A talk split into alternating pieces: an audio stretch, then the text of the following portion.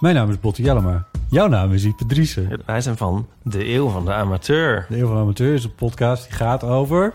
Alles. Het is een eh, podcast over levenskwesties die je niet kunt googlen. Een soort licht neurotische blik op het leven. Het is een podcast met humor. Jezus. Kijk, een grapje. Die, die vragen durft te stellen en die je ook onbeantwoord durft te laten. Mooi. met een regenboogvlagje. Dat, dat noem je queerbot. Dat an- regenboogvlagje, dat klinkt echt als een soort... Eh, ik bedoel, iedereen is welkom. Kom ons luisteren Zo. in je favoriete podcast-app. Straks is er relaas. Maar eerst nog eventjes zeggen dat je een aflevering hoort van op het allereerste Belgische podcastfestival. Dat was in juni in Kerk in Gent. En dat dat podcastfestival, en dus ook deze podcast, er kwam dankzij IT Planet. Dat is een Gents IT-bedrijf dat jou helpt met websites, servers, dat soort dingen. Allemaal dingen waar ik niks van af weet. Zij gaan voor jou op zoek naar de juiste IT-medewerker en die zetten die op de juiste plaats. Dat is ongeveer wat ik ervan begrepen heb. Als je zelf ook eens relaas wil sponsoren, wees zoals IT Planet en steun ons, jonge, ambitieuze digitale radiomakers. Je bereikt er trouwens een hele hoop technologie-nerds mee.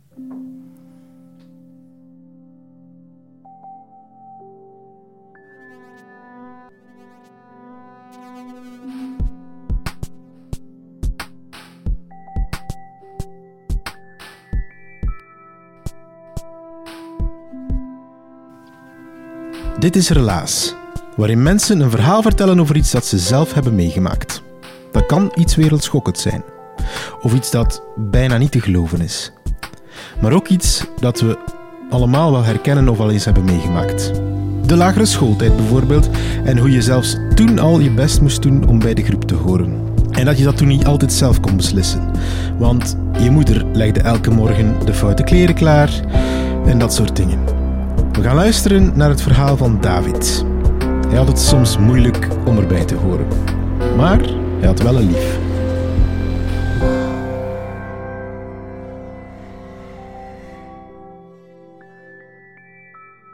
Ik heb de eer om, eh, om voor jullie eh, de spits af te bijten van dit, eh, deze editie van Relaas. En om dat te doen, wil ik jullie graag eventjes meenemen naar de jaren 90.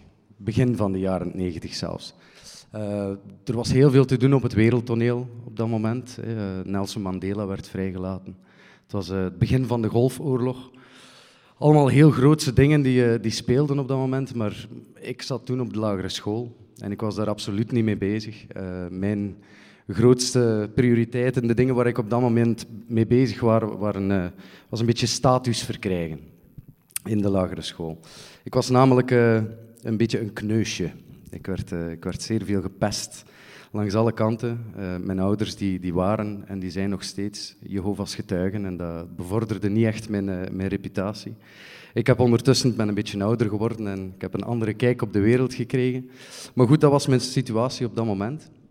En ehm, bovenop het feit dat ik Jehovah's getuige was, eh, had mijn moeder ook de, de, de gewente om, om regelmatig heel leuke, mooie nieuwe kleren voor mij te kopen. Zo had ik op een gegeven moment werd ik eh, gedwongen om naar school te gaan met een, een heel mooie roze jas met een mooie trommel op van achter. Eh, dat bevorderde niet echt mijn reputatie op die momenten. Nu, eh, de plek waar dit alles zich afspeelde was de Gondschool in Sint-Niklaas, waar ik afkomstig van ben.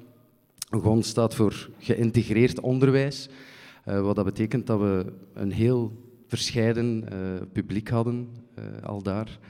En de Gondschool was net tegenover de, het station van Sint-Niklaas. Nu is dat volledig opgewaardeerd, ziet er heel mooi uit. Maar toen was dat nogal een loesje buurt. Er was zo ja, een fietsenstalling en, en eigenlijk de regionale sport daar een beetje was fietsen stelen. Eh, een, een graffiti-tunneltje waar dat af en toe daklozen kwamen slapen en, en waar het altijd een heel penetrante urinegeur hing. Dus eh, een beetje een loesje buurt zo. Nu, ehm, ja, ik zeg het, ik zelf was, was een beetje een kneusje. Mijn, mijn, mijn hele lagere schooltijd werd ik langs alle kanten gepest eh, door heel veel mensen, maar vooral door één heel gemeen kereltje, eh, de. En Ilja was eh ja, zowat tekstboek gemeen kereltje. Zo'n blond, populair gastje Dat, eh, waar dat ik dan natuurlijk, ja, je had van die statussymbolen hè, op die moment ook. Er was de nieuwe zender VTM. En iedereen was verplicht om zo'n VTM-sticker op zijn, op zijn agenda of op zijn boekentas te kleven. En eh, ik had dan zo'n een, een rugzakje met, met ey, een boekentas, echt met van die reflectoren op van achter en met zo'n grote VTM-sticker. Maar dat was allemaal niet goed genoeg. Eh, je moest een Kippeling-rugzak hebben hè, en dat waren cool. En eh, er moest liefst zo nog een Fido-Dido-ventje aanhangen. Hè, zo. Dat soort toestanden. En Ilja had dat allemaal. Het Fido Dido rugzak en, en een eh, Kipling, eh, Fido Dido pennenzak bedoel ik, hè, en, en een Kipling rugzak en een petje van de Chicago Bulls. En bij zijn verjaardag mocht iedereen bij hem thuis. Hij woonde in een, in een heel groot huis ergens, eh, waar dat alle kinderen dan werden uitgenodigd voor verjaardagsfeestjes te komen vieren. Dus die was enorm populair en ik was altijd de kop van Jut. Het was een, er werden nog net geen wedgies gedaan op dat moment, maar er werden wel andere praktijken gedaan die ervoor zorgden dat, eh, dat ik me niet echt goed voelde op de lagere school. Nu, ehm, ik kwam in het eerste leerjaar en eh, het eerste, ik was, ik was bij heel veel, voor heel veel dingen was ik er nogal vroeg bij.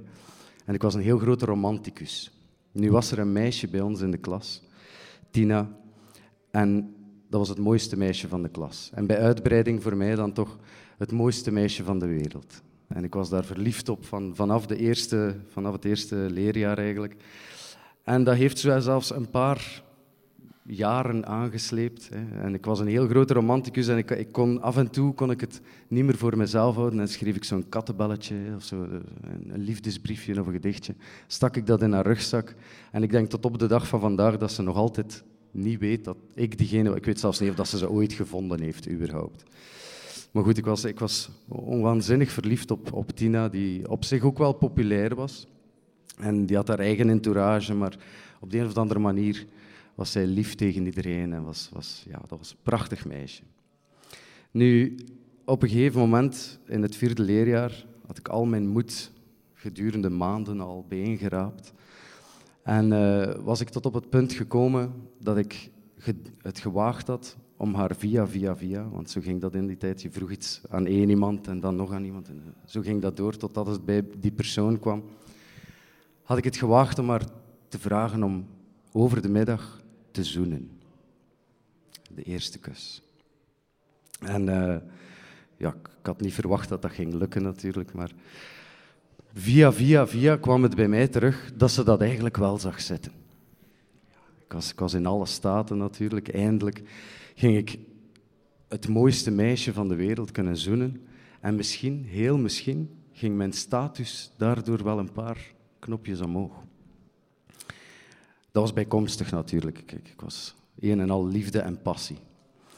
Nu, die middag, mijn, mijn mond kurkdroog, trillend over heel mijn lijf. Er was zo'n een klein schommeltje achter de lokaaltjes van het eerste leerjaar. Stond ik te wachten op haar. En ja, ik, wist niet waar dat ik het had. Ik, eh, ik, wist niet waar kruipen, maar toch probeerde ik heel stoer een beetje te schommelen. En dan, nee, toch, toch niet schommelen. Of, toch wel, ik weet het niet. Ja, het moment was aangebroken en, en zij komt af. Natuurlijk met twee chaperones komt ze naar mij toegewandeld. Ik zag haar al van heel ver, lokaaltjes van het eerste leerjaar waren redelijk ver achter de speelplaats.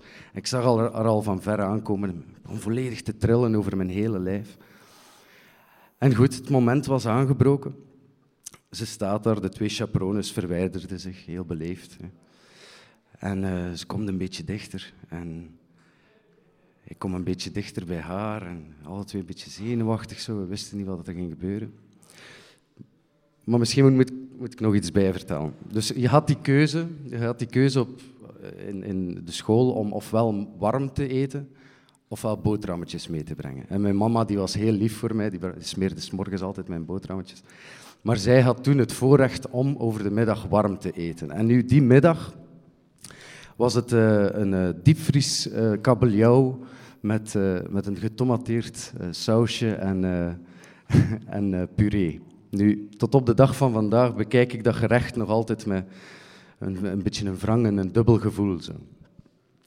Goed, ja, onze lippen komen naderbij en, en het moment was daar. Prachtig, die eerste kus. Ik vergeet hem nooit. Het was, het was nat, vochtig, het smaakte naar vis. Maar het was, het was prachtig. Het was echt prachtig. Goed, ja, het moment was gebeurd. Hè. Een paar seconden die voor mij uren leken. Ze gaat weg. En, eh, en ik loop op wolkjes over de speelplaats. Geen idee meer over, of ik die namiddag nog les gevolgd heb of niet. Was, het was gewoon, ik was volledig in de wolken. Ik dacht, ja, ik, ik had geen idee ook dat ik volledig alleen op die wolk zat.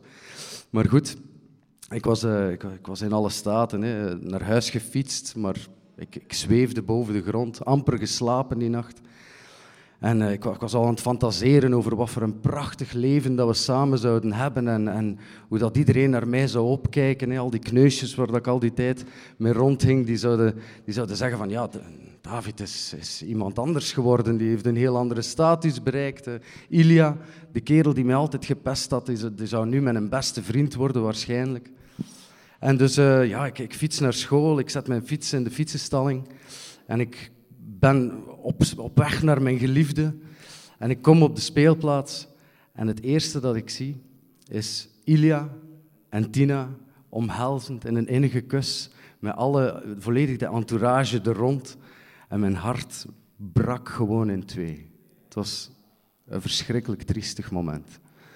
En eerlijk gezegd, de rest van mijn lagere schooltijd was niet echt veel beter. Dus, uh, dus ja, voilà. Heel leuk, tof. Uh, dat jullie ermee kunnen lachen. Ik op dat moment iets minder. Maar goed, zo, uh, zo loopt dat dan. Hè. De lagere schoolkinderen die kunnen soms heel gemeen zijn. Lagere school liep af, hè, middelbare schooltijd en zo verder. Het, het verhaaltje zou daar gedaan kunnen zijn, maar gelukkig lopen de dingen zoals ze lopen. Jaren later, ik denk dat ik ongeveer twintig was, ben ik op vakantie in Spanje en uh, loop ik daar over Plaza Real en ik zie daar van alle mensen die ik daar zou kunnen tegenkomen, kom ik daar Ilya tegen. Nu, ik en Ilya zijn op dat moment een heel vreemd gesprek begonnen, dat toch op een of andere manier een, een goede richting kreeg. En tot op de dag van heden zijn we nog altijd eigenlijk beste vrienden. We zijn, uh, hij heeft mij, ik heb hem vergeven voor alles wat hij mij aangedaan heeft. En hij, heeft mij, hij vindt dat nog altijd heel maf dat ik hem daarvoor vergeven heb. En we komen nog altijd heel goed overeen. Hij is ondertussen vader geworden van, uh, van een heel mooi klein kindje en een tweeling onderweg. Um, Tina ondertussen, uh, die, die, heeft ook, die is ook mama geworden van twee hele mooie kleintjes. En hele mooie dochtertjes die als twee druppels water op haar mama lijken en die waarschijnlijk nu op dit eigenste moment de, het hoofd van een of ander kneusje gek aan het maken zijn. En zo is de cirkel weer rond. En dat was mijn kleine relaas voor deze avond. Bedankt voor eh, de aandacht.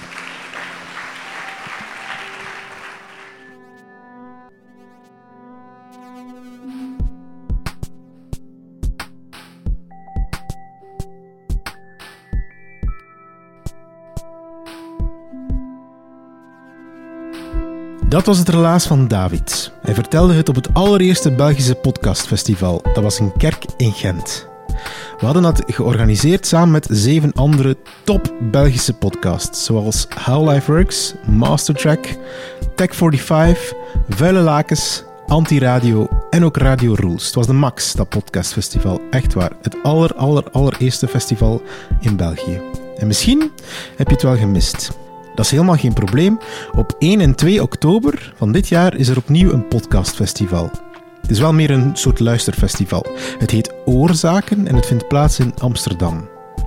We gaan er met heel de relaascrew naartoe en iedereen die wil kan zich gewoon ook inschrijven en langskomen om daar met fantastische radio in contact te komen. Benjamin Walker komt. Dat is een van mijn podcastgoden. En ook Chris Baema, uh, van de man met de microfoon, komt. Caitlin Prest van The Heart, als u dat iets zegt. En nog uh, heel wat andere mensen die ik nu op dit moment vergeet. Alle informatie, Oorzakenfestival intypen op Facebook, maar dat kan ook via Google. Heb je zelf een herkenbaar of misschien een bijzonder verhaal? Of wil je iemand tippen die een goed verhaal heeft? Of wil je zelf er graag eens live bij zijn als de verhalen verteld worden? Surf naar www.relaas.be en je komt alles te weten over wie wij zijn, over de vertelavonden, wanneer die vallen en over onze podcast. Je kan er ook alle andere verhalen herbeluisteren. Relaas is er dankzij de stad Gent. Onze partners zijn Urgent FM, Pulp Deluxe en REC. Relaas wordt gemaakt door Dieter van Huffel, Timon van de Voorde, Sarah Latree, Philip Cox, Evert Savers, Charlotte Huigen, Marilyn Michels, Helena Verheijen, Anna van den Abelen, Kenny Vermeulen en ikzelf ben Pieter Blomme. En dankzij jullie natuurlijk, onze luisteraars, onze ambassadeurs van Relaas. Vertel anderen over onze vertelavonden en over onze podcast. We kunnen alle hulp en extra fans gebruiken. Dat kan ook trouwens door ons te liken op Facebook. Gewoon Relaas intypen bovenaan. Je kan je abonneren op onze podcast. Dat kan zowel via Soundcloud als via iTunes. Laat ons ook een waardering achter of een comment. Goed of slecht, het maakt niet uit. Uh, op die manier komt onze podcast hoger in de ranking. En uh, wij appreciëren jullie eerlijke meningen. Bedankt om te luisteren en tot een volgend relaas.